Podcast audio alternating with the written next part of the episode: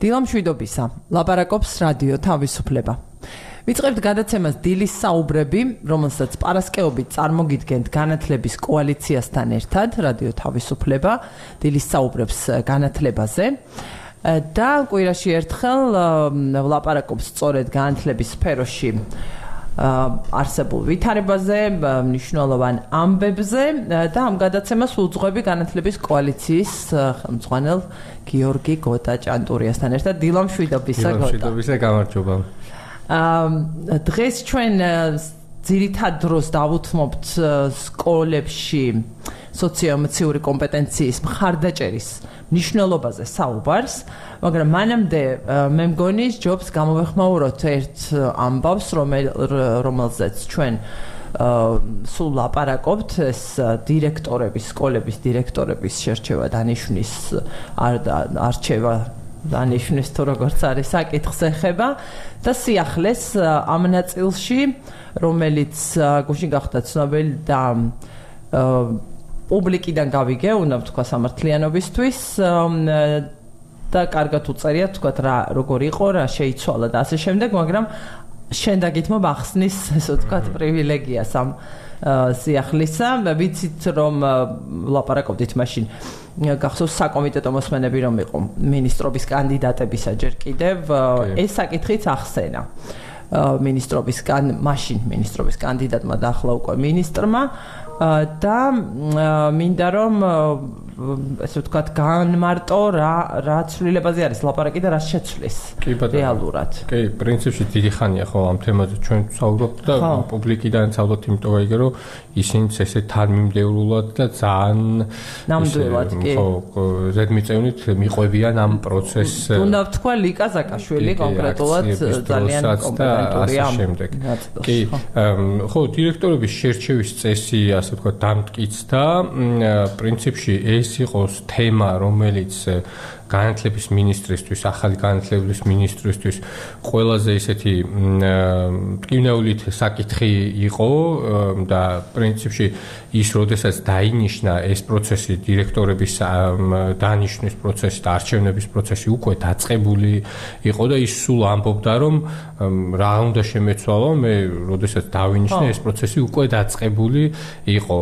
ნუ იმ პროცესმა მაშინ საკმაოდ დიდი კრიტიკა მიიღო და მივიღეთ სურათი, რომ დაახლოებით 1000-ზე მეტ სკოლაში არ ყავს დირექტორი დანიშნული. ეს აი და აქედან გამომდინარე ახალი ასე ვთქვათ კონკურსი უნდა გამოცხადებულიყო. ამ წესის მიხედვით პრინციპულად ვთქვათ ნიშნულოვნად შეიძლება ვთქვათ რომ ბევრი არაფერი იცვლება, თუმცა ერთი საკითხი ნამდვილად იცვლება რომ თუ წინა პროცესში ჩვენ გქონდა ტესტირება და ორი გასაუბრება და შემდეგ უკვე წარდგენა სამეურვეო საბჭოსთან კანდიდატების, ეხლა გვაქვს ვთქვათ ტესტირება და ერთი გასაუბრება, რომელზეც კანდიდატმა უნდა ისაუბროს სკოლის სტრატეგიული განვითარების გეგმაზე, ხედვა მის ხედვებზე, მის ფილოსოფიებზე, სკოლის განვითარების და ასე შემდეგ. ამიტომ ეს ცვლილება პრინციპში გვაქვს. არსებითად რას ცვლის? არსებითად ან ორი გასაუბრება, აი რაღაც დუბლირება იყო აი გასაუბრებების. ხო, ანუ თუ წინა შემთხვევაში ადამიანს უწერდა უწევდა ჯერ ტესტირების გავლა და შემდეგ სერტიფიცირების მოპოვებისთვის გასაუბრება და შემდეგ უკვე წარდგენის გასაუბრებაც უწევდათ. ამ შემთხვევაში გვაქვს ერთი გასაუბრება და შემდეგ უკვე თქვა კანდიდატი სამეურვეო საბჭოს და წარუდგენს ასე თქვა თავის ხედვებს თუ იქამდე რა თქმა უნდა მივიდა. და ის ერთი გასაუბრება არის ტესტირების შემდეგ. ტესტირების შემდეგ, კი, ანუ გვაქვს ტესტირება და ერთი გასაუბრება, ანუ ორის ნაცვლად გვაქვს ერთი გასაუბრება. ეს პრინციპი შეიძლება ვთქვა, რომ წინ გადადგმული ნაბიჯი არის, შეიძლებოდა რომ თქვა პირდაპირ ტესტირების შემდეგ ყოფილიყო სამეურვეო საბჭოებისთვის წარდგენა კანდიდატების, ანუ ვინც დაძლევდა ტესტირებას, ის პირდაპირ სამეურვეო საბჭოებისთვის წარედგინათ და ეს შეიძლება უფრო შეიძლება კი არა ეს უფრო დემოკრატიული გზაც იყო პრინციპში, იმიტომ რომ თქვა ვინც ტესტ, იმიტომ ტესტირებაზე აი წინა შემთხვევებში ხო უამრავი ადამიანი, რამდენიმე ასეული ადამიანი ვერ გადალახა ტესტირება მაგრამ არავის პროტესტი არ გამოუთქვამს. რატო? ხო, იმიტომ რომ ეს ტესტირება არის ნუ უფრო ობიექტური, ასე ვთქვათ, ამ შემთხვევაში, ანუ სუბიექტური ფაქტორები აქედან არის გამორიცხული. ხო, თუ გასაუბრებაზე ინტერვიუების დროს, ვთქვათ, ჩვენ საუბრობთ, რომ რაღაცა, ვთქვათ, პოლიტიკური ნიშნით თუ nepotizmit თუ ასე შემდეგ იყო გადაწყვეტილება. მიღებული ტესტირების შემთხვევაში ამას ვერ ვიტყვით ხო? და იმ კანდიდატებმა ვინც ვერ გადალახეს ტესტირება დიდად პროტესტი არ გამოუთქვამთ, ხო? ამიტომ შეიძლება და ესეც ყოფილიყო, მაგრამ ნუ არაუშავს დავინახოთ პოზიტივიც. ორი გასაუბრების ნაცვლად გვაქვს ჩვენ ერთი გასაუბრება.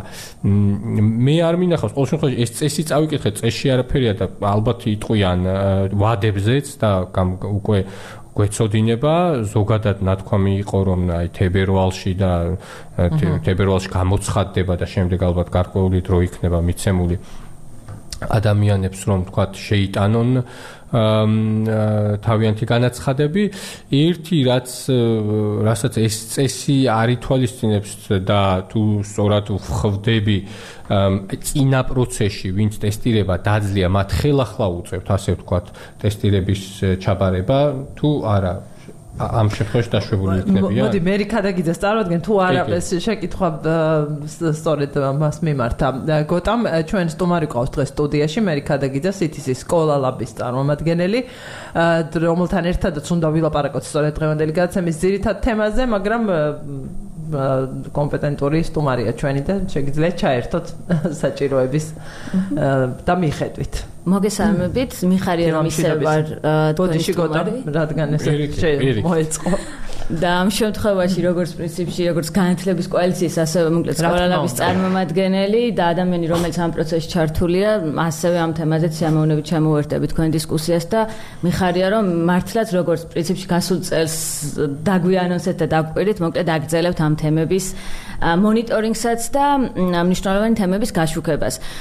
ხო, რაც როგორც მეც გადავხედე წეს ამ შემთხვევაში კარგია რომ ამ ადამიანებს ხელახალი გასაუბრება ან ხელახალი ტესტირება არ დასჭირდებათ და ამ შემთხვევაში ჩაითვლებიან უკვე სერტიფიცირებულად, ხოლო ისინი ვინც უნდა გაიაროს ხელახლა ტესტირება, აი მათი ვადები იქნება ამ შემთხვევაში დასადგენი, რასაც ამ შემთხვევაში ministris უკვე გამოცემული აქტი დაარეგულირებს. და სხვათა შორის განსხვავებით პირველი წესისგან, იქ ბევრად კაფიოდ იყო ხოლმე, მაგალითად დადგენილი რა ვადებში ხდებოდა ხოლმე კონკურსის დაწყება, მაგალითად ბარათების დარიგება და ამაზე უბრალოდ იმიტომ ამახვილებ ყურადღებას, რომ ერთ-ერთი რის გამოც ძალიან ცოტა კანდიდატი გამოცხადდა წინა ტესტირებაზე ერთ-ერთი მიზეზი იყო ლოჯისტიკური საკითხი, ანუ დირექტორობის კანდიდატებმა, ტესტირების მსურველებმა ძალიან დაგვიანებით მიიღეს ინფორმაცია კონკრეტულად სად იყვნენ განაწილებულები, როგორ უნდა მიიღოთ ამ ტესტირებაში მონაწილეობა, რასაც ასახელებდნენ შემდგომ პრობლემად.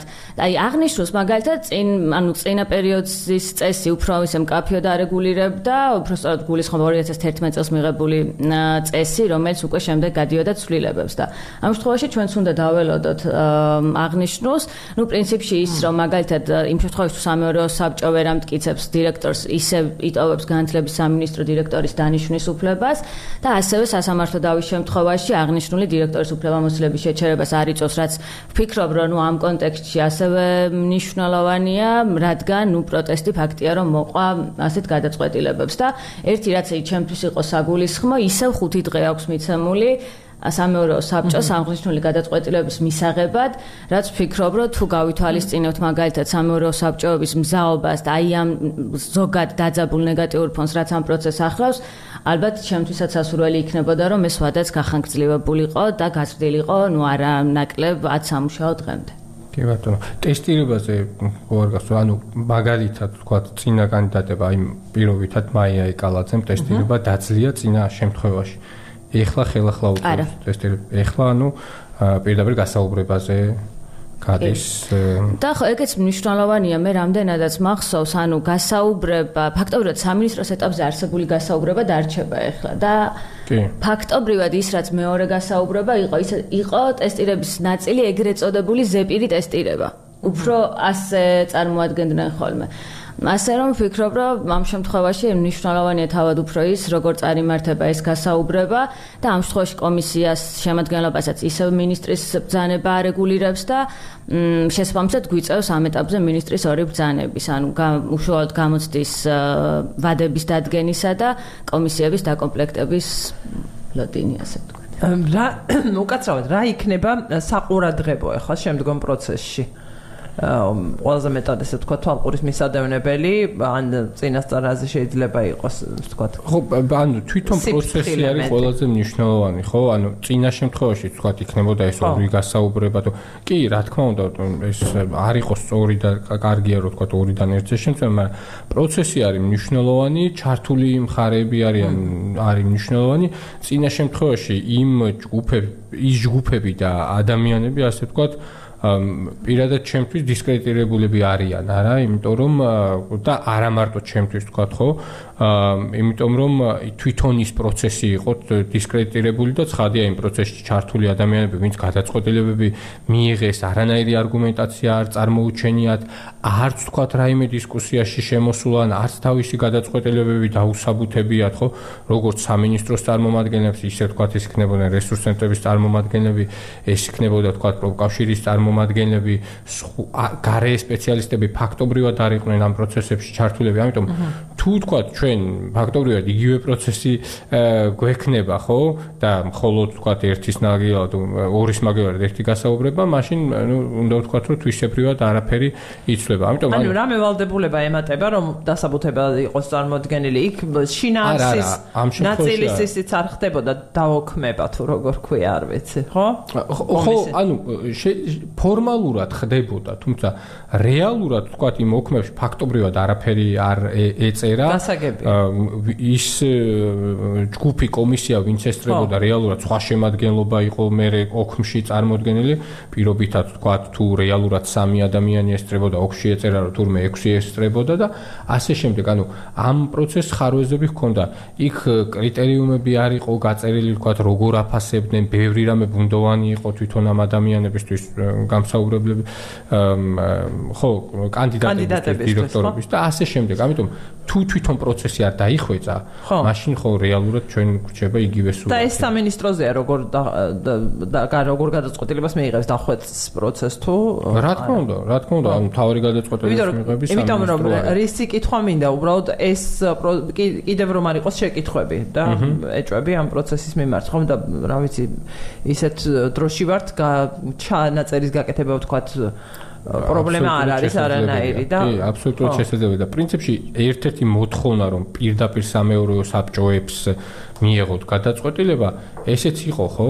რა თქმა უნდა და ხო, ამიტომ დაველოდოთ მაგრამ გარდა ამისა თვითონ თვითონ აი ამ ესე ვთქვათ შერჩევის, ასე ვთქვათ, უფრო წახალისება თუ პოპულარიზება არ იქნება ცუდი, ხო, რომ აი მეტმა ადამიანმა მიიღოს მონაწილეობა, იმიტომ რომ ტენდენცია ჩვენ ვიცით, რომ კლებადი არის, ხო, ანუ თუ წინა წლებში უფრო მეტი ადამიანი იღებდა ამ კონკურსში მონაწილეობას და მეტ ადამიანს ჰქონდა დირექტორობის სურვილი, ეხლა ვთქვათ ეს გაცილებით შემცირებული არის ნაკლები ახალგაზრდაღებულობს მონაწილეობას და ასე შემდეგ. ამიტომ თვითონ ამ პროცესის პოპულარიზებაც რო ვთქვათ მეტი ადამიანი ჩაერთოს, დავანახოთ ვთქვათ რა აქვს დადებითი ამას, ესეც იქნებოდა სწორი და რა თქმა უნდა ამაში საზოგადოებრივი ორგანიზაციების მონაწილეობა და გარე სპეციალისტების მონაწილეობა ადამიანების ვისაც ვთქვათ გაცილებით მეტი ნდობა და აღიარება აქვს იქნებოდა სწორი. სხვა შემთხვევაში, ხო,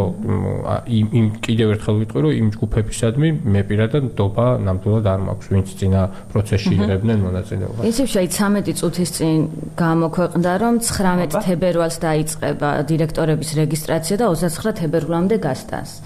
და ასევე ცნობილი გახდება დამატებით პროგრამები, თუმცა აი როგორც გიორგი იმაც აღნიშნა, სხვა რაიმე ინფორმაცია ამ ეტაპზე არ გვაქვს და ხო ერთი მაგალითად გადაჭრის როგორ დაგვეწია? მართლა ზუსტად რამდე 10-ზე გამოქვეყნდა ზუსტად როგორც ჩანს. გადაცემ კი. გადაცემა რა და ხო ერთი მაგალითად მნიშვნელოვანი იქნება რომ როდესაც ეს აქტები გამოქვეყნდება ვნახოთ მაგალითად კომისიაში თუ გაჩნდება სხვა წევრი ეგრეთ წოდებული მოწვეული დამოუკიდებელი წევრი რაც რისი კარგი პრაქტიკაც არის მაგალითად გრიფირების კონკურსის გამჭვირვალობის გაზრდისთვის და ასევე თუ იქნება მაგალითად ღია და ასევე აპელაციის შესაძლებლობა თუ ექნება დირექტორებს გასაუბრების შემდეგ ამ ეტაპზე აქვთ ამისუფლება ტესტირების შემდგომ და შემდგომ დავისუფლება აქვთ სამეურვეო საბჭოს გადაწყვეტილებაზე. თუმცა აი უშუალოდ ეს გასაუბრების პროცესი რაც წარდგინებას უძღვის წინ არის ჯერ კიდევ ცოტა ბუნდოვანი, მაგრამ იმედია რომ ასევე სწრაფად დაგვეწევა ეს ინფორმაცია როგორც კონკურსის გამოცხადების თარიღი. ხო, დიდი მადლობა მერის ასე ფხიზლად უცებ რომ დაიჭირა არ ველოდით ნამდვილად და მადლობა. მადლობა ამ ინფორმაციის გამავრცელებელსაც, ასე ვთქვათ, ინტერპრეს ნიუსი გავხსენი მე, ალბათ ან თქვენც ხო იგივე. და იმ ნაწილზე ხო ის ნაწილი, რაც ვილაპარაკეთ კონკურსის და გასაუბრების, ხო, შემდეგ რომ იქნება მხოლოდ ერთი გასაუბრება, რომ ამ მიზანი ერთ-ერთი მიზნად დასახელებულია მოზიდვა მეტი ადამიანის სწორედ. ამასთან ახალი მიდგომით მოქმედი სერტიფიკატის მქონე ყველაფერს უფლება მიეცემა ხო როგორც ჩვენმა სტუმარმა განგვიმარტა აგერ სტუდიაში როგორ განგვიმართლა უფლება მიეცემა კონკურსში ჩაერთოს პირდაპირ გასაუბრების ეტაპზე ტესტირების გავლის გარეშე კონკურსში მონაწილეობა ხდება უფასო. თუმცა მან როგორ ტესტირე სერტიფიკატის მფლობელს აქვს უფლება რომ პირდაპირ ჩაერთოს მაგრამ ტესტირება ვინც დაძლია, მას სერტიფიკატი არ აქვს, ანუ ტესტირება ვინც დაძლია და ვინც გასაუბრებაზე, პირველ გასაუბრებაზე დაიბლოკა, შესაბამისად ის ადამიან იმ ადამიანებს მე როგორც ვთქვი, ხელახლა მოუწევთ ტესტირების დაწერა, ასე ვთქვათ, მაგრამ ის ადამიანები, ვინც ტესტირებაც დაძლიეს და შემდეგ პირველი გასაუბრებაც, მათ ვინც სერტიფიკატი მიიღეს, ну ისინი პირდაპირ ჩაერთო. ხო, და მნიშვნელოვანია, ვის შეუძლია მონაწილეობა კონკურსში, ვუთხრათ ჩვენს მსმენელებს, იქნებ ვინმე იყოს, ვინც შეიძლება ამაზე ფიქრობდეს. კონკურსში მონაწილეობის უფლება აქვს საქართველოს მოქალაქეობის მქონე დირექტორობის კანდიდატს, რომელსაც აქვს უმაღლესი განათლება, მუშაობის არანაკლებ 3 წლის გამოცდილება, მათ შორის განათლების სფეროში სწავლების არანაკლებ 1 წლიანი გამოცდილება. საჯარო სკოლის სამეურვეო საბჭოსთვის წარდგენის მიზნით დირექტორობის კანდიდატი კონკურსის გამოცხადებისთანავე რეგისტრირდება ელექტრონულად და დაუთითებს არაუმეტეს სამ საჯარო სკოლას, სადაც სურს წარადგინოს კომისიამ დირექტორობის კანდიდატად, ანუ რეგისტრაციის ეტაპზევე ირჩევს სკოლებს. დირექტორობის კანდიდატთა რეგისტრაცია, როგორც უკვე თქვა, მერი დაიწყება 19-ში, 19 თებერვალს და დასრულდება 29-ში.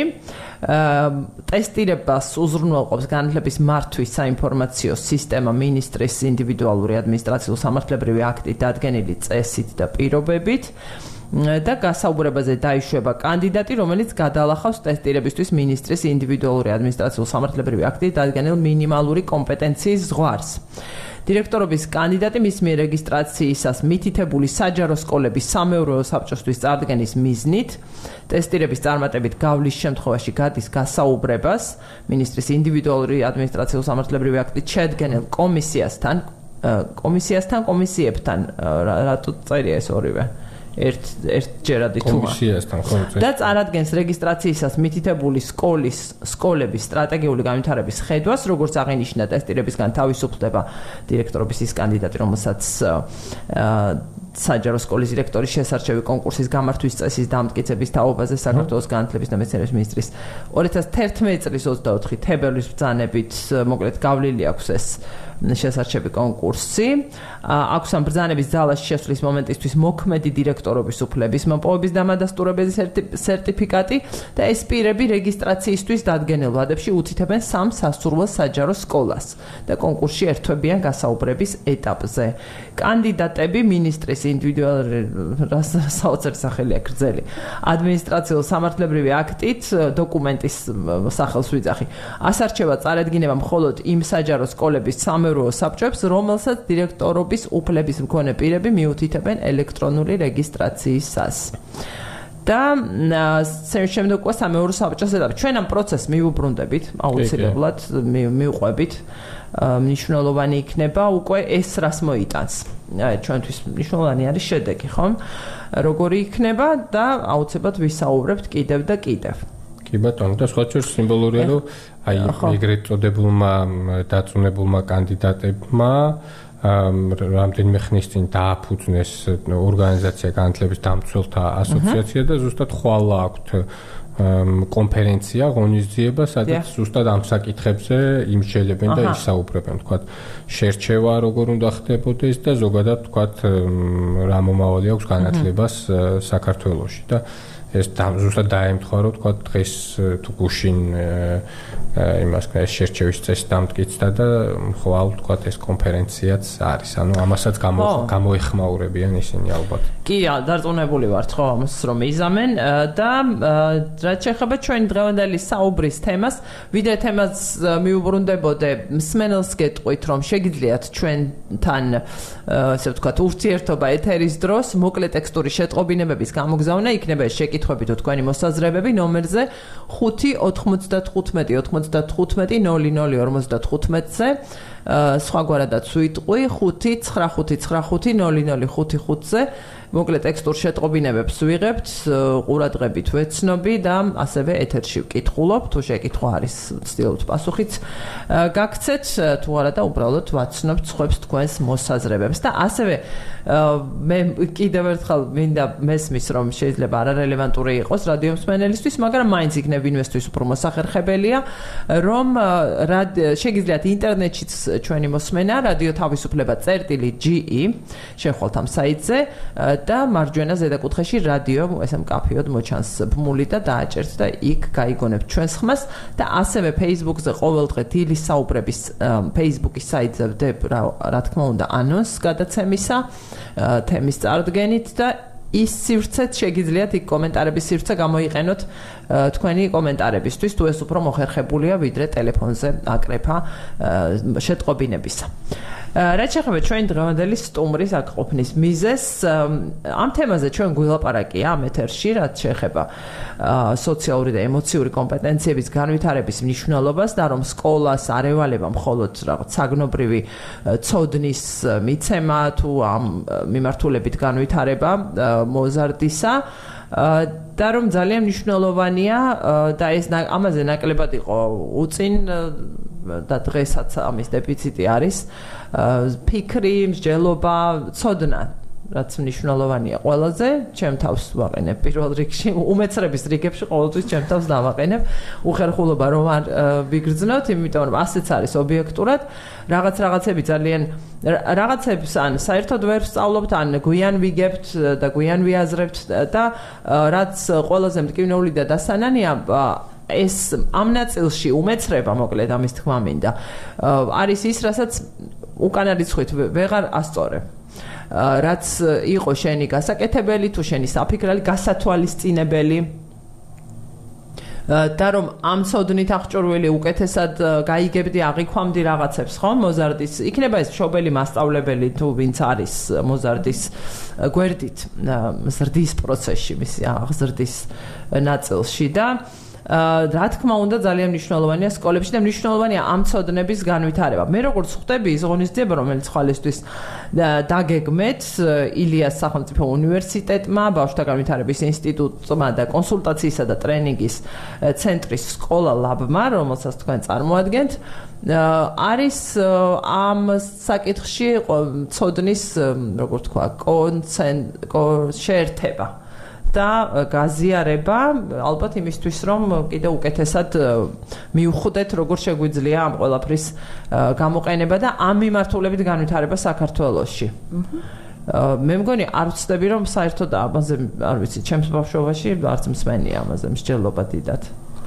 არ ვიცი შეიძლება შეიძლება ფრაგმენტული რაღაც ღონისძიებები რა თქმა უნდა იქნებოდა სკოლებში შეიძლება ამ დასახელებით ესე ხო ხო აი დასახელებაზე რადგან თქვი გოტა მოდი განმარტებით დავიწყოთ. მე მიუხედავად იმისა რომ გვილაპარაკია უწინ ახლა მსმენელი გვისმენს სხვა ც ალბათ დიდი ალბათობით ასე რომ რას ნიშნავს სოციალური და ემოციური კომპეტენციები და მათი განვითარება? აა მადლობა აა თქვენი ასე ვთქვათ წინასტუმარი რომელიც ამ თემაზე საუბრობდა ამის ექსპერტია და უფრო განსხვავებული ფორმატი ქონდა და ძალიან კარგი თქვენ საუბარს.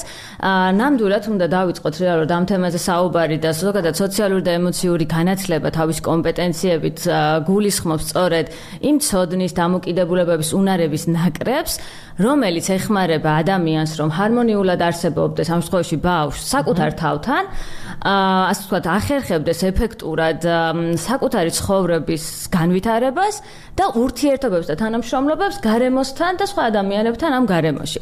ნუ ესეთი აბსოლუტურად კეთილშობილური და საგანმანათლებლო მიზანი აქვს ამას, მეტი არაფერი და ასევე სწორად აღნიშნეთ თქვენ, რომ ასეთი ფორმულირებით ეს არ ყოფილა ისე მკაფიოდ წარმოდგენილი და ცალკე ასეთი ყურადღება არ დათმობია, თუმცა ყოველთვის რაღაცა ფრაგმენტულად ყურადღება გამოხვილებული იყო ხოლმე ზერონულ სასწავლო გეგმაში და სხვა ტიპის დოკუმენტებში. ასევე ნუ ცხადია მასწავლებელთა მომზდების დოკუმენტებში.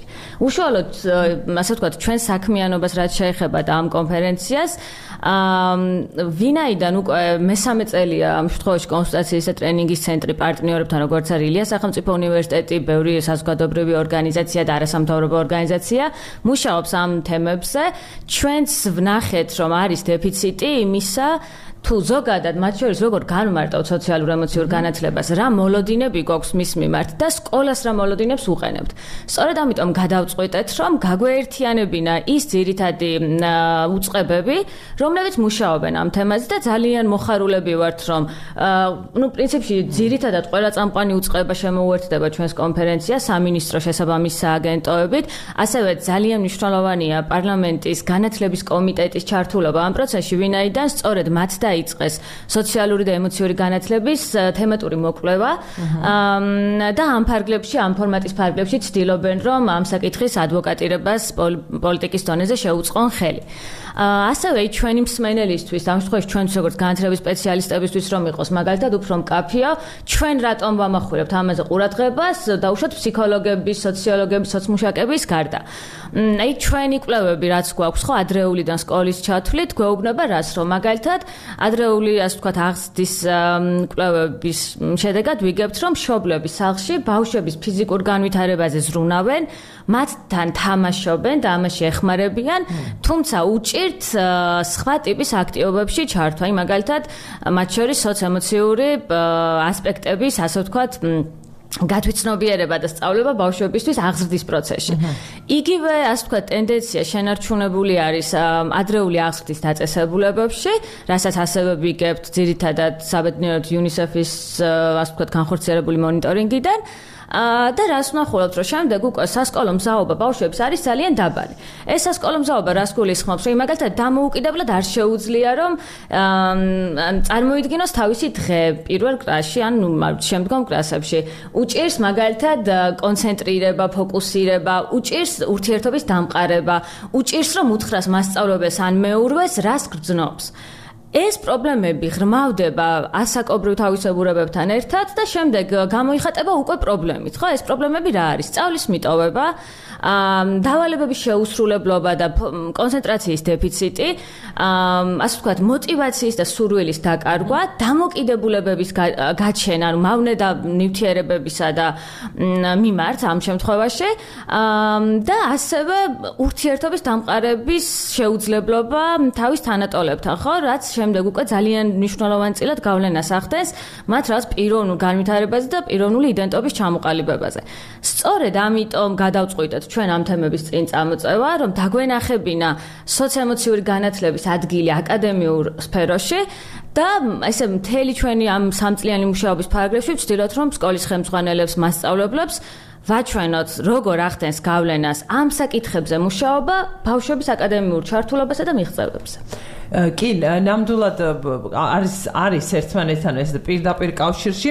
რეკლამის დრო არის ახლა რადიო პალიტრის ეთერში. ჩვენ უწყვეტად გავაგრძელებთ ინტერნეტში საუბარს და სულ რამდენიმე წუთში დავბრუნდებით რადიო პალიტრაზე FM 103-სა და 9-ზე ასე რომ დაგველოდეთ.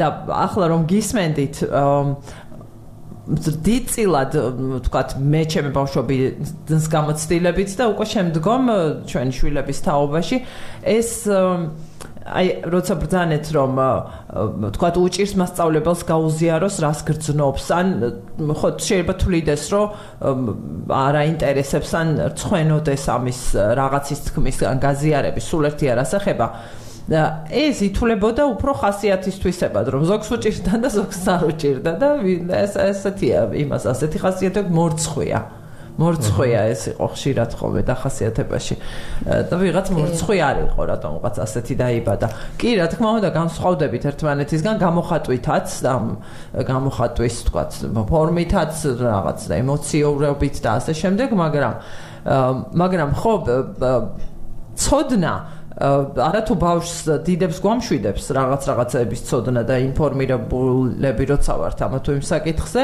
და მით უმეტეს ბავშვს რომელიც შედის საერთოდ ახალ სრულიად რა ვიცი გაუგონრად ახალ მისთვის სამყაროში და სივრცეში როგორიც არის სკოლა. თავის თავის ყველა კომპონენტით. არა მარტო იმ რეჟიმით რასაც ქვია უკვე რომ უნდა დასხდნენ რაღაც ხო შეიძლება დასაწყისში რამ პირველ ეტაპზე ისე მკაცრად არ ვიცი არ მოეთხოვებოდეთ გაშეშებული კი არა და ახლა აღარ არის ფლად ასე. მაგრამ მაინც უნდა რაღაც სიმშვიდე მოეთხოვებათ და ისე კონცენტრაცია კონცენტრირება გაკოლების სრულიად. ნამდვილად პრობლემა. სტრესისთვის საკმარისდა მეტია თან როცა ანუ ამას ეტაპობრივად არ ეჩვევი ხო ვიცით რომ მაგალითად ადრე ანუ იგივე ბაღში ბავშვები რაღაც მნიშვნელოვანი ნაწილი ჯერ კიდევ არ არის. არ დადიან, იმიტომ რომ შობლები თვლიან, რომ ეს არ არის დაუშვათ მათთვის ღირებული, ან მეორე არ არის მათთვის ხელმისაწვდომი ეს სერვისი, ხო? განსაკუთრებით ძალიან კარგია, რომ მაგალითად ეხა ასე ვთქვათ, ეგრეთ წოდებული წინარე მას ფრისკული უკვე სავალდებულოა და ის ერთწლიანი მზადება სკოლამდელი უნდა გაიარონ, მაგრამ აა იგივე არ ცელდება ამ შემთხვევაში მაგალითად, არ ვიცი, 3 წლის ბავშვებზე, რომლებსაც ასევე სჭირდებათ ბაღის სივრცეში ყოფნა. თან ისიც უნდა გავითვალისწინოთ, რომ მაგალითად ის რას ბუნებრივად ოჯახიდან მოსდევს, მაგალითად ბავშვებს უფრო მეტად ანუ სოციალ მეტად სოციალურად მდგრად და კარგი, ასე ვთქვათ, განვითარების მქონე ქვეყნებში, ჩვენ შემთხვევაში ჩვენი მოსწავლეების და ბავშვების უმრავლესობას არ მოსდევს. ეს რა არის? უსაფრთხო გარემო სახლში უსაფრთხოში გულისხმობ რომ აქვს დაუშვათ ყავს თავისი მზრუნველები და მშობლები სახლში მათ არ აქვს საბაზო საჭიროებების ზრუნვაზე პრობლემა და ბავშვები თავს გრძნობენ რაღაც სასურველად და თვლიან რომ მოკლედ შვიდად არიან საკუთარ გარემოში. როცა ეს გარემო არ აქვთ ბავშვებს, არ აქვთ იმიტომ რომ მაგალითად ემიგრაციაში მშობლების დიდი ნაწილი, დიდ ნაწილს ოჯახების აწუხებს სოციალური სიდუხჭირე, რაც პირდაპირ გავლენას ახდენს ბავშვთა კეთილდღეობაზე. მაგალითად არის რაღაც ნუტრიციულად არადაბალანსებული კვება როგორც სახლში, ასევე სკოლაში ამ კვების სერვისის არარსებობა. ყოველივე ეს თავს იყრის კოიმ კონკრეტული ერთი მასწავლებლის 在. და გარკვეულწილად უწევს სკოლას აი ამ ყველა დანაკარგის კომპენსირება. და მეორე კუთხითაც რომ შევხედოთ ჩვენი ეს სამწლიანი მუშაობა, რას გვაჩვენებს, რომ მასწავლებლებს და ზოგადად სკოლის პერსონალსაც ძალიან ჭირდება ამ თვალსაზრისით გაძლიერება და მათთვისაც მაგალითად აღმოჩენა ხოლმე ის და გააზრება თუ რამდენად ცვლის მოსწავლეების მათდამი დამოკიდებულებას, მაგალითად მათი ღიაობა მათი მხრიდან გამოხატული მზაობა, მოსწავლის ნდობის გამართლება. ხო, აი რაშიც გულისხმობთ იმას, რომ ძალიან ხშირად მასწავლებლები არ აქცევენ ყურადღებას და მოსწავლეებზე საუბრობენ სხვა მასწავლებლებთან. რაც მოსწავლის და მათ შორის ნდობას აზარალებს. ხო, ანუ ჩვენ მუშაობის ფარგლებში ამ შემთხვევაში მასწავლებლებთან სწორედ ამ თემებზე ვსაუბრობთ ხოლმე და აი ამ კუთხით დავანახებთ ხოლმე რაღაც მათ სარგებელს, რომ რაც უფრო მეტად იქნებიან როლური მოდელი ასეთი ქცევის მოსწავლეებისთვის, მათგანაც მეტ ხარდაჭერას მიიღებენ და თუმცა ხო ანუ აქ ყოველთვის ვამბობთ ხოლმე იმას რომ გარემო არის უმნიშვნელოვანესი და მაგალითად ისეთ სკოლებში სადაც დღემდე ხა მაგალითად გუშინ ვნახე ვიდეო სადაც ისეთი კვამლი იყო ოთახში რომ ფიზიკურად მასწავლებელს არ ჩანდა რომელიც ვიდეოს წერდა.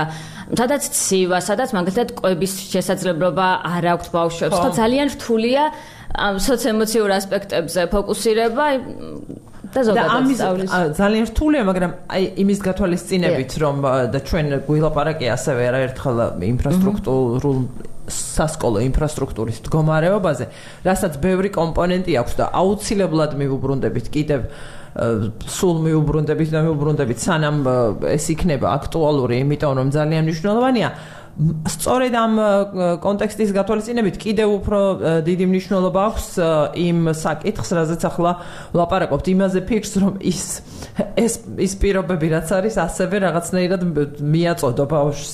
ამაზე მახსენდება ჩემი ბავშვობა კონკრეტული ხო დაუბრუნდით ყოლავ ვართ პალიტრის ეთერში, ვინც ახლა შემოგვიერთით გეტყვით რომ რადიო თავისუფლების დილის საუბრებს უსმენთ და პარასკეობით რადიო თავისუფლება განათლების კოალიციასთან ერთად წარმოგიდგენთ.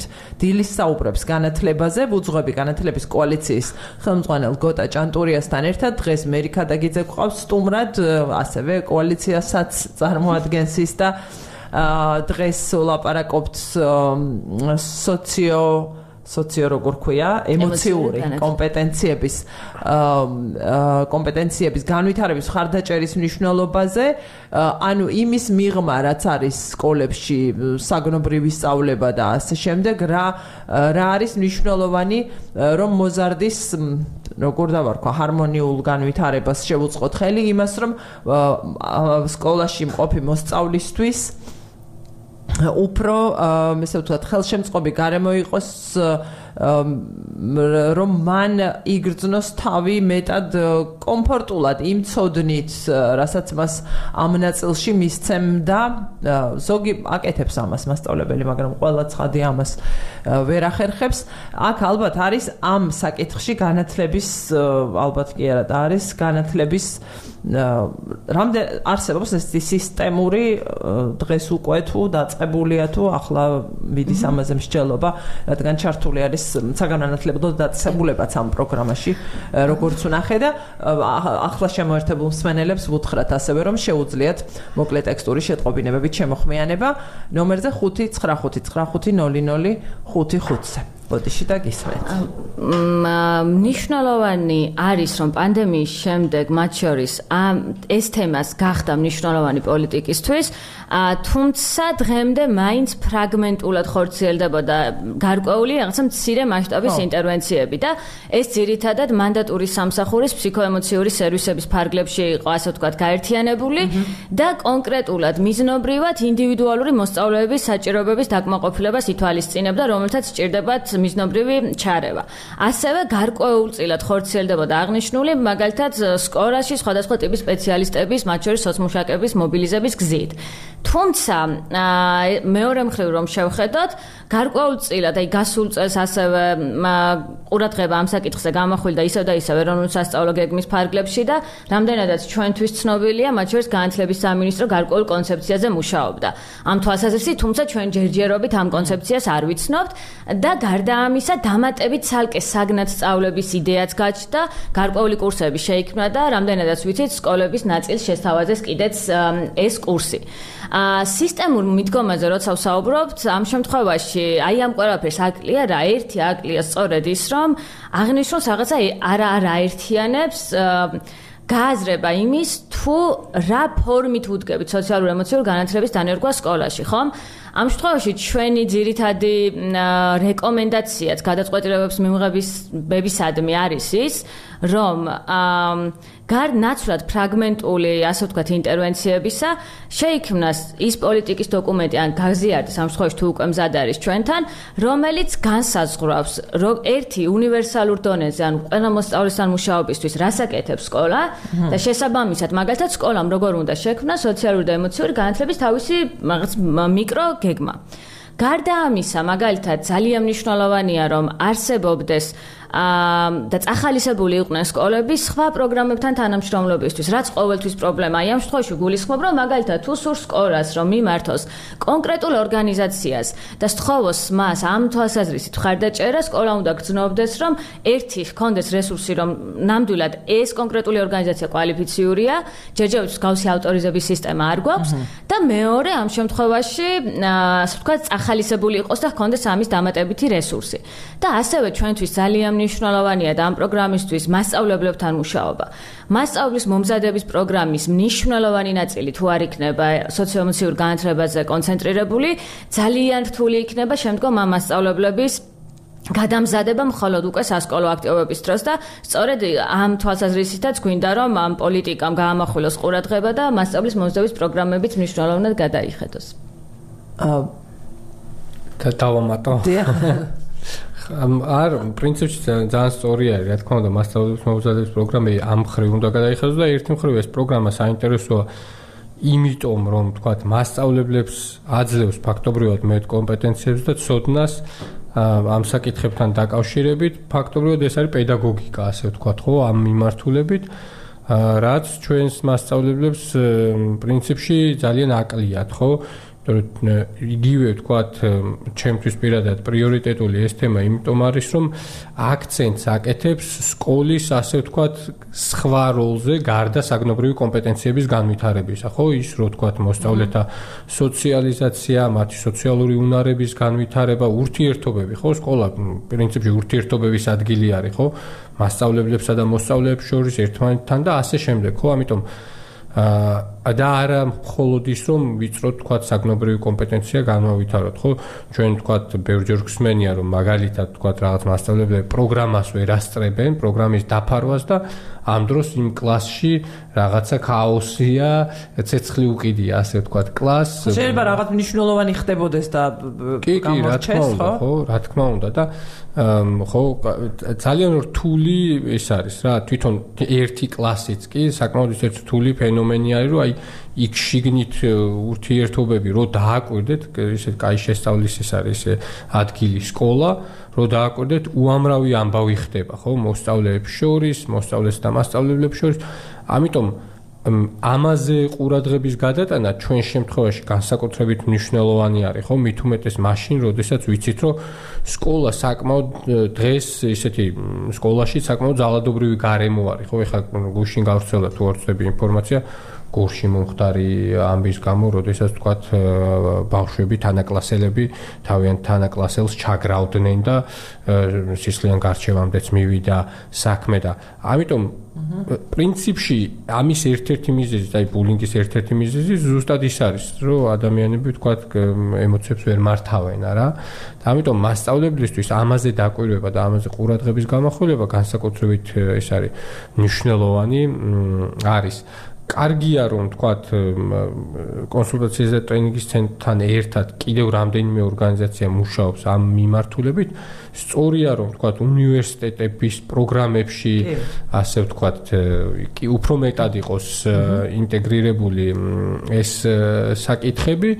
და რაც დარწმუნებული ვარ რომ გაცლებით მე მოკლე დროში რაც პრინციპში მშობლების ფოკუსსაც გადაიტანს ცოტა სხვა მიმართულებით მშობლებიც ორიენტირებული ხშირად არიან და გვესმის ეს ხო ჩვენ მშობლებისგანაც რომ აი ვთქვათ ნიშანი როგორ სწავლობს დავალებები ასე შემდეგ ერთი ასე ვთქვათ მასშტაბლებიდან მეორესთან მიყავთ მეორედან მესამესთან და ეს ბავშვებიც რაღაცა ავტომატიზირებულები ხდებიან რა და არა და მათ სჭირდება თავისუფალი დრო ერთმანეთთან ურთიერთობისთვის და ამიტომ მე მგონია რომ ვთქვათ აქცენტ ზუსტად ასეთ ტიპის პროგრამებზე უნდა ვაკეთებდეთ ხო რო თქვი ეს რომ სკოლას საგნობრივი ვთქვათ ცოდნის მიღმა აქვს ეს დანიშნულება სოციალური და ის რომ რაც გვახსენდება ამ ამ სასკოლო ასაკიდან მაგალითად თითოეულ ჩვენგან სხვადასხვა პერიოდში გვაქვს გავლილი არის სწორედ ეპიზოდები აი ურთიერთობის ეპიზოდები. როგორც თანატოლებთან ისე შედარებით უფროს კლასელებთან თუ უმცროს კლასელებთან აი საგნის ის ნაკლებად რა რა თქმა უნდა ესეც და უმნიშვნელოვანესი ამას არ ვაკნინებ მაგრამ ვთქვათ ურთიერთობის ეპიზოდები ამა თუ იმ მასწავლებელთან სასიამოვნო უსიამოვნო აქედან ამ გადასახედიდან რაღაცას ბევრ რამეს უკეთაფასებ რა იყო ძალიან ძვირფასი იმ ეპიზოდებიდან, რა იყო დამაზიანებელი შენთვის. ეს ყველაფერი, ასე ვთქვათ, გუზრდის ისეთებად, როგორებიც ვართ და დიდ დროს ვატარებთ იმ გარემოში და ამიტომ არის ძალიან მნიშვნელოვანი. ასეთი შეკითხვა გამიჩნდა. აი ეს ცოდნა ამ ნაწილში არის უნივერსალური დიდწილად თუ ამ სხვადასხვა ქვეყანაში, სხვადასხვა სოციალურ-ეკონომიკურ, პოლიტიკური მდგომარეობის ქვეყანაში სხვადასხვა გვარად იქმნება ეს ცოდნები. რასაც ქვია სოციოემოციური კომპეტენციის, აი ეს სწავლა და შემდეგ გამოყენება უკვე მოზარდებთან. აა განსხვავებული არის უფრო მიწოდების ფორმები ამ შემთხვევაში, როგორც ქვეყნებს შორის, ასევე მაგალითად იმ გავლენიან ორგანიზაციებს შორის, რომლებიც ქმნიან მსგავს სერვისებს. თუმცა რაღაც ქვაკუთხედი არის დიდწილად ერთი და ეს ქვაკუთხედი არის უფრო ღირებულებითი ხო ამ შემთხვევაში რომ მაგალითად უნდა იყოს მზრუნველი ამ შემთხვევაში მასწავლებელი რომელიც მუშაობს ბავშვთან ყურადღებას უნდა ამახვილებდეს დაუშვათ მის ემოციებზე რაღაც რეგულაციის ნაწილზე ურთიერთობებზე და ჩვენც ეს სამი კომპონენტი გამოვყავით სწორედ როგორც გამაერთიარებელი და საერთო იმ ძალიან ბევრი მოდელის იქნება ეს რა ვიცი მეტად ფუნქციურზე ორიენტირებული რაღაც სხვადასხვა ტიპის კონტექსტებში განვითარებული მოდელები და აღმოვაჩინოთ, რომ აი ეს სამი კომპეტენცია კონკრეტულად, რაც არის თვითცნობიერება, თვითრეგულაცია და მაგალითად ურთიერთობები, არის უნივერსალურად ყველა მოდელში. მაგრამ აი განსხვავებები იკვეთება ხოლმე აა მათ შორის იმაში, თუ როგორ აღიქვამს სკოლა თავის დროს ამ უნარების განვითარებაში. მაგალითად იგივე ავსტრალიის მაგალითს, რაღაცა ერთიანი სკოლის მოდელს ეძახიან, რასაც გულისხმობენ იმას, რომ ეს არის მათი მთავარი ღირებულება, ანუ სოციალური და ემოციური კეთილდღეობა, ფიზიკური, სოციალური და ემოციური კეთილდღეობა მოსწავლის და სასკოლო საზოგადოების თითოეული წევრის არის მათთვის მთავარი ღირებულება და ნებისმიერი პროგრამისთვის გამჭოლია. იგივე მაგალითად, ხო, ანუ და ამას აკეთებს ყველა აბსოლუტურად სკოლაში და მოკლედ ეს არის რაღაცა წამყვანი მიმართულება. ამერიკის ცხადია აქ შტატებს შორის საგულისხმო სხვაობაა, თუმცა ი უფრო მეტად ხვდებით გარდა მასწავლებლების ინიციატივებისა შემთხვევას, როდესაც სერვისია აღნიშნული და ამ სერვის კონკრეტული პროვაიდერის თავაზობს სკოლას, რომ შენ თუ გაქვს კონკრეტული პრობლემა, აი მე გთავაზობ ამის გადაჭრას. მაგრამ რაც ასევე გამაერთიანებელია მსგავსი კონტექსტებისთვის არის ის რომ სწავლება, ანუ აკადემიური დაგეგმვა გაკვეთილის და სწავლება მაინც მოიცავს ამ თემებს და მასწავლებლებისთვის ეს არის მათი სასწავლო პროცესზე რეფლექსიის მთავარი, ასე ვთქვათ, ერთ-ერთი მთავარი ასპექტი. შედარებით ნაკლებად ხვდებით მაგალითად უფრო მკაცრად რეგულირებულ სისტემებში. აი, მაგალითად ახლა სინგაპურში ხო ძალიან დიდი პრობლემა არის ბავშვების სოციოემოციური მდგომარეობა, იმიტომ რომ იქ აკადემიური მიღწევა და უნივერსიტეტში ჩაბარება არის ძალიან სტრესული. იგივე გამოცდილებებია მაგალითად სამხრეთ კორეაში და ცხადია იქაც მუშაობენ ამ მიმართულებით, მაგრამ ეს არ არის პრიორიტეტი. იქ პრიორიტეტი მაინც არის მკაცრად მოსწავლის შედეგი და მაგალითად მისი ეს პიროვნული ამ შემთხვევაში განვითარება, ემოციური კეთილდღეობა ისეთი მნიშვნელოვანი არ არის, თუმცა იმდენი პრობლემა შეექმნათ, რომ ხა ამაზეც აქტიურად იწყებენ მუშაობას. ანუ ეს მიდგომა რომ სკოლაში ვისწავლოთ საგნები და ვინმეს თუ პრობლემა შეექმნება, ეძებოს ინდივიდუალურადაც ოჯახებიც ასე უდგებიან უფრო მეტად. ხო, მაგალითად ხა ფინურ სკოლაში ბავშვის კეთილდღეობა არის მთავარი ღირებულება და ანუ მასწავლებელი სამ თავის საგანმანათლებლო პროცესს ამ პრინციპით აგებს და მშობელიც ამითაც ინტერესდება უფრო მეტად. ხო ალბათ ის რომ გამჭოლი იყოს ეს და ყველა ესე ვთქვათ მთელი პროცესის ნაწილი ყველაზე ოპტიმალურია რაღაც ასე ვხედავ. კი კი პრინციპში ჩვენ სისტემასაც რო შევხედოთ აი ძალიან მარტივად ხო იცი ნინო რომ დიდი ხანია ჩვენ მუშაობთ სასკოლო კვების დანერგვის საკითხზე ხო და აი ელემენტარულად რო შევხედოთ შესვენებების დროებს, ხო, აი ეს რაღაც 5 წუთიანი შესვენებები, რომელიც იმის საშუალებასაც კი არ აძლევს მოსწავლეს, რომ ისარგებლოს თუნდაც საპირფარეშოში, ეს საპირფარეშოთი ძალგესაკითხია იქ რა მდგომარეობა დახვდება, ხო? ანუ ეს დროც ისე არის აწყობილი. ინფრასტრუქტურაზე რო ვილაპარაკეთ, დღეს ველიაო გაშლილი 800 სკოლის ის მიმდინარეობსო და აგერ ყველაზე უკეთიცი ხო ეს ერთ სკოლაში განთავსებული რამდენიმე სკოლა რაც მე ცვლებს ამატებს და ერთი ცვლა მეორე მესამე რაც არაძლევთ სკოლებს და ადმინისტრაციასაც საშუალებას რომ რაიმესთვის დრო დაიტოვონ ხო? ამიტომ ჩვენთანაც ხედავთ რომ პრინციპში ნაკლებად არის ეს პრიორიტეტი უფრო პრიორიტეტულია ფორმალური რაღაც საკითხების დაცვა ხო? ფორმალურად ბავშვები სკოლაში დადიან მასწავლებლები ჰყავთ, სკოლა, შენობა არსებობს და თუ ამ სტანდარტებს დავიცავთ, იმის იქით ახლა რა არის, პრინციპში ეს ნაკლებად არის მნიშვნელოვანი და მე მგონია რომ ასეთ ტიპის ინიციატივები პირიქით სახელმწიფოს აი როგორც ყვების თემაზე ხო სახელმწიფო მას შემდეგ დაიწყო ლაპარაკი რაც საზოგადოებრივ ორგანიზაციებმა წამოწიეს ეს საკითხი და მე მგონია რომ აქაც იგივე ხდება და თვითონ სახელმწიფო ძნელნელა გადაეწყობა უკვე ამ საკითხის უფრო მეტად პრიორიტეტიზაციაზე. სოციალური პოლიტიკის, ანუ უფრო ფართოდ თუ შევხედავთ, ხო იგივე კვების სერვისი თავრობა გინდოდა გეთქვა გოტა. კი ბატონო. სახელმწიფო ჩვენს ვარ. ყველა. თავრობას კი. ხო. სახელმწიფოს თავრობა წარმოადგენთ, დიახ. რადგან აი დირექტორებზე ვსაუბრობდით მაგალითად? სულ დაგჭა 4 წუთი და რაღაცნაირად ეს შეკითხვაც ხო ბძანე უბრალოდ იმის აღნიშნაც მინდა და რომ იგივე რაც გამოარჩევს მაგალითად უფრო მოსწავლეს და ზრუნვაზე ორიენტირებულ საგანმანათლებლო სისტემებს მაგალითად სხვა სისტემებისგან ისიც არის რომ იზიარებენ იმას რომ თუ თავად სკოლის მენეჯმენტი და მასწავლებლები არ არიან უსაფრთხოდ და კომფორტულად თავის სასწავლო პროცესში და მათი პირველადი საჭიროებები არ არის დაკმაყოფილებული ისინი მოსწავლეებს ანგარემოს ვერ შეუქმნიან და მათ შორის არის ისიც იგივე დირექტორების დანიშნვის თემას არაპირდაპირ, მაგრამ ამას უკავშირდება. თუ დირექტორი არ არ არის დანიშნული და ამ სტრესშია მაგალითად 10 თვის განმავლობაში, ელოდება მაგალითად საარჩევნო პროცესის გავლას, თუ მასწავლებელს მხოლოდ ერთწლიანი ხელშეკრულება აქვს და ელოდება აი ამ ძიმე პერიოდის გადავლას, ვიცით რომ ვერ შეძლებენ ისინი ბავშვზე ორიენტირებული გაკვეთილის ჩატარებას და ისიც რომ მაგალითად თუ არ აქვს დასაჯდომი ადგილიც კი მასწავლებლებს, თუ არ აქვს 5 წუთი რომ შეისვენონ, შეუძლებელია მათ მიმართ მოვლენილი გქონდეს რომ ისინი სწორად იზრუნებენ ეხმარებიან მოსწავლეების სოციო-ემოციურ თუ სხვა ფორმის კეთილდღეობას. აა ხო,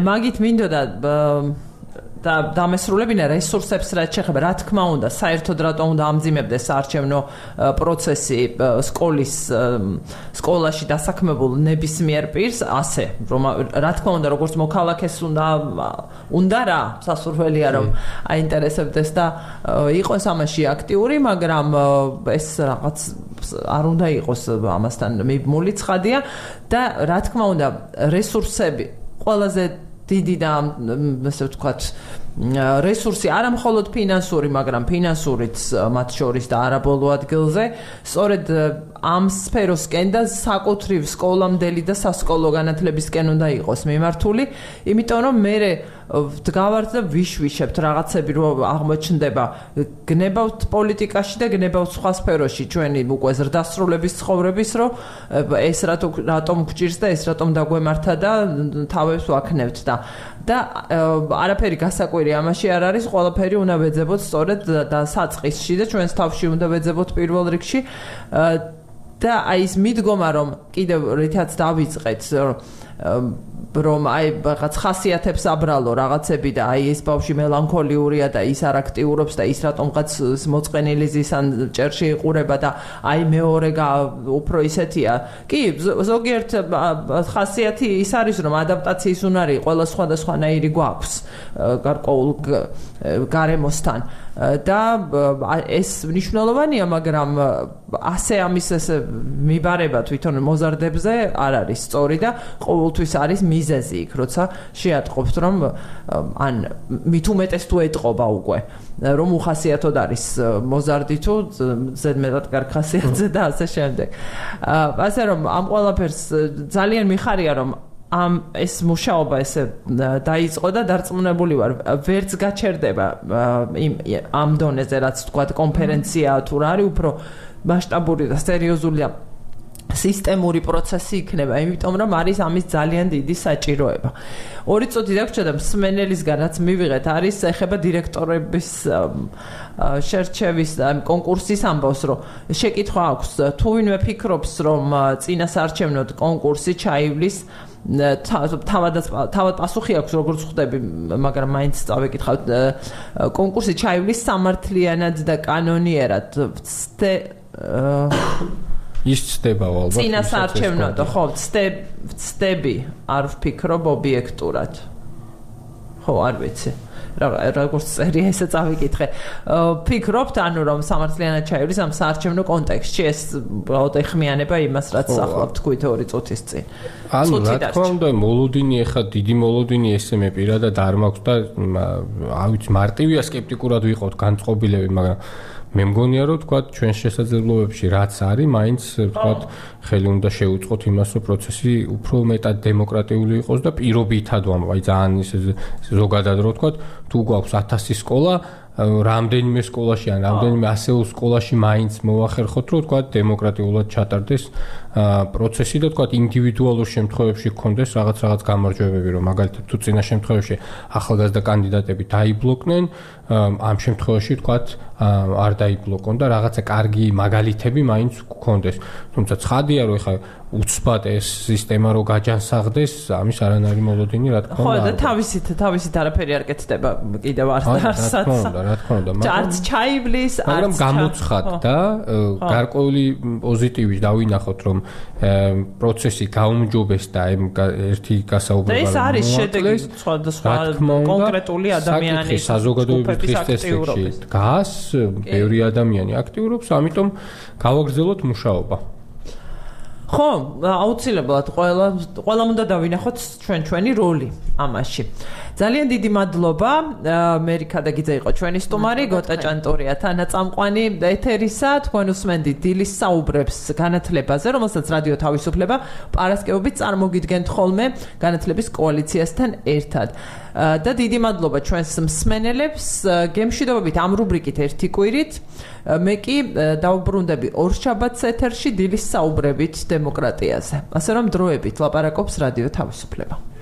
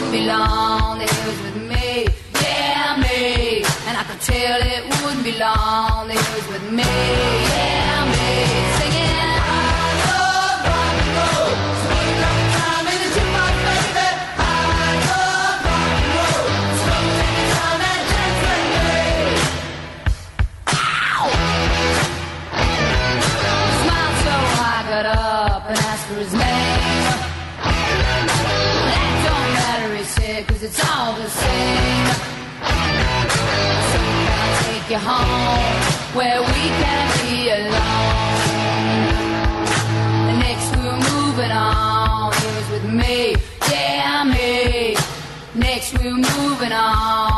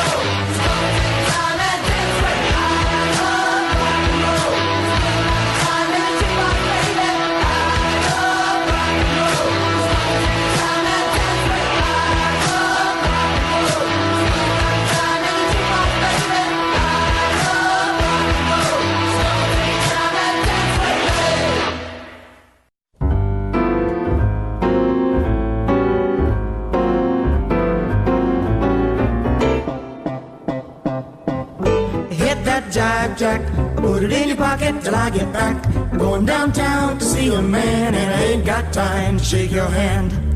Hit that jive jack, I put it in your pocket till I get back. Time and time waits for no man, and I ain't got time to shake your hand. Standing on the corner, all full of jive. But you know that you're my boy, so I'm forced to give you five. Yada. Hit that jive jack. I put it in your pocket till I get back. I'm going downtown to see a man, and I ain't got time to shake your hand. Hit that jive jack. I put it in your pocket till I get back. I'm going downtown to see a man, and I ain't got time to shake your hand. Hit that jive jack. I put it in your pocket till I get back. Time and time waits for no man, and I ain't got time to shake your hand. Standing on the corner, all for the jive. But you know that you're my boy, so I'm forced to give you five. Shouty yada, hit that jive jack, put it in your pocket till I get back. I'm going downtown to see your man, and I ain't got time to shake your hand.